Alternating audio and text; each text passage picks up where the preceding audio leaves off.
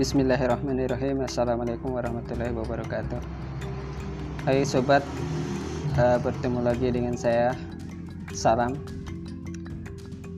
Kali ini kita Membahas sebuah tulisan Yang cukup menarik Dan sesuai dengan fakta Yang terjadi saat ini.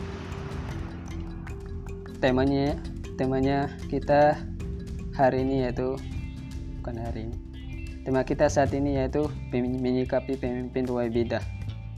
Salah satu bentuk kasih sayang Rasulullah Shallallahu Alaihi Wasallam kepada umatnya adalah memberi peringatan kepada kita tentang pemimpin yang berbahaya. Tidak hanya itu, Rasulullah Shallallahu Alaihi Wasallam menjelaskan kepada kita bagaimana menyikapi pemimpin yang berbahaya itu. Peringatan tentang kepemimpinan ini penting karena Kebijakan pemimpin, apalagi pada level negara, sangat berpengaruh kepada rakyat secara luas dan menyeluruh. Rasulullah Shallallahu Alaihi Wasallam memberikan peringatan dalam hadisnya tentang satu kondisi yang disebut sebagai tahun yang penuh dengan tipu daya. Sanawatun qad da'at akan datang kepada manusia tahun-tahun yang penuh dengan penipuan. Apakah saudara mengalami atau merasakan kondisi seperti itu di negeri Anda. Ketika itu pendusta dibenarkan sedangkan orang yang jujur malah didustakan. Pengkhianat dipercaya sedangkan orang yang amanah justru dianggap sebagai pengkhianat. Pada saat itu Ruwaibidah berbicara. Ada yang bertanya, apa yang dimaksud Ruwaibidah? Beliau menjawab, orang bodoh yang turut campur dalam urusan masyarakat luas. Ya, tahun penuh tipu daya ini tampak di depan mata kita. Mereka yang menjadi boneka negara imperialis, menjual kekayaan alam negara, menyengsarakan rakyat, dicitrakan sebagai orang yang benar, terpercaya, dan amanah. Sementara umat Islam yang memperjuangkan Islam menginginkan negeri ini diatur dan diurus berdasarkan syariah Islam dituding pengkhianat sebagai ancaman negara, pemecah belah dan teroris, radikal dan tudingan keji lainnya. Sungguh terlalu. Sistem kufur kapitalisme diterapkan, sementara sistem Islam dicampakkan. Ideologi gagal yang bersumber dari hawa nafsu manusia dipuja-puja bahkan dianggap harga mati yang tidak mungkin keliru. Sementara Islam yang bersumber dari Allah Subhanahu wa taala berikut ajaran syariah Islamnya dianggap membahayakan dan dikriminalkan. Dalam tahun yang penuh tipu daya ini, orang bodoh yang jadi pemimpin mengurus urusan masyarakat banyak. Sebutan pemimpin bodoh itu karena di samping memang tidak mampu mengurus rakyat, pemimpin itu juga mengurus umat bukan berdasarkan pedoman syariah Islam. Rasulullah pernah berkata kepada Ka'ab, Semoga Allah melindungi kamu dari imarah as-sufaha. Ka'ab bertanya, apa itu imarah as-sufaha?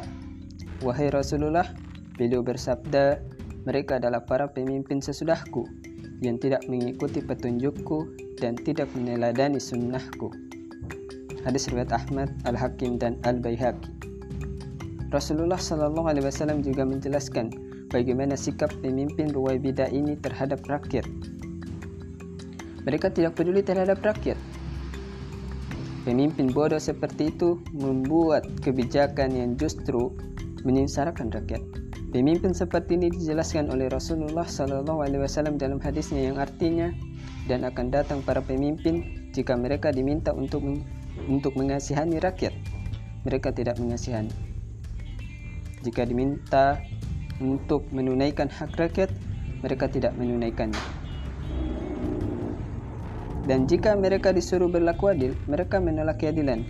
Mereka akan membuat hidup kalian dalam ketakutan dan memecah belah toko-toko kalian, sehingga mereka tidak membebani kalian dengan suatu beban kecuali mereka membebani kalian dengan paksa, baik kalian suka atau tidak. Serendah-rendahnya hak kalian adalah kalian tidak mengambil pemberian mereka dan tidak kalian menghadiri pertemuan mereka.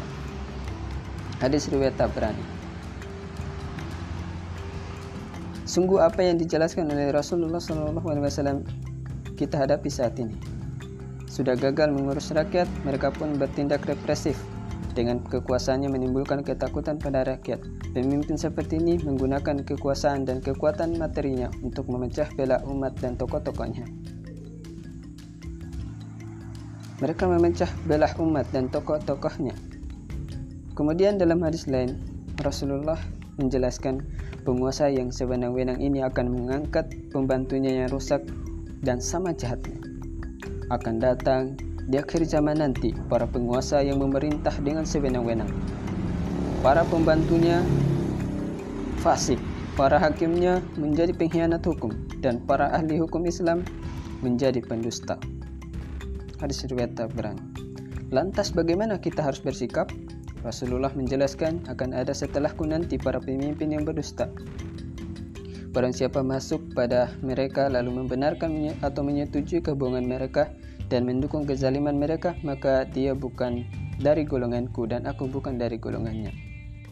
Dan dia tidak bisa mendatangi telagaku di hari kiamat. Dan barang siapa yang tidak masuk pada mereka dan tidak membenarkan kebohongan mereka dan juga tidak mendukung kezaliman mereka, maka dia adalah bagian dari golonganku dan aku dari golongannya, dan ia akan mendatangi telagaku di hari kiamat. Hadis riwayat Tirmizi, Ahmad dan An-Nasai. Bukan hanya tidak boleh menyetujui, membenarkan kebohongan dan kejahatan mereka, apalagi mendukungnya. Rasulullah Shallallahu Alaihi Wasallam juga mengingatkan kita, tidak boleh hanya diam.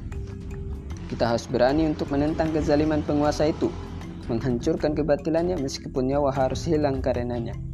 Rasulullah memberikan pahala yang besar dengan menyebut amalan itu sebagai afdalul jihadi, sebaik-baik jihad. Sabda Rasulullah Sallallahu Alaihi Wasallam, jihad yang paling utama adalah mengutarakan perkataan yang adil di depan penguasa atau pemimpin yang zalim. Sekian. Marilah waspada dengan virus imperialisme, neo-imperialisme. Wassalamualaikum warahmatullahi wabarakatuh.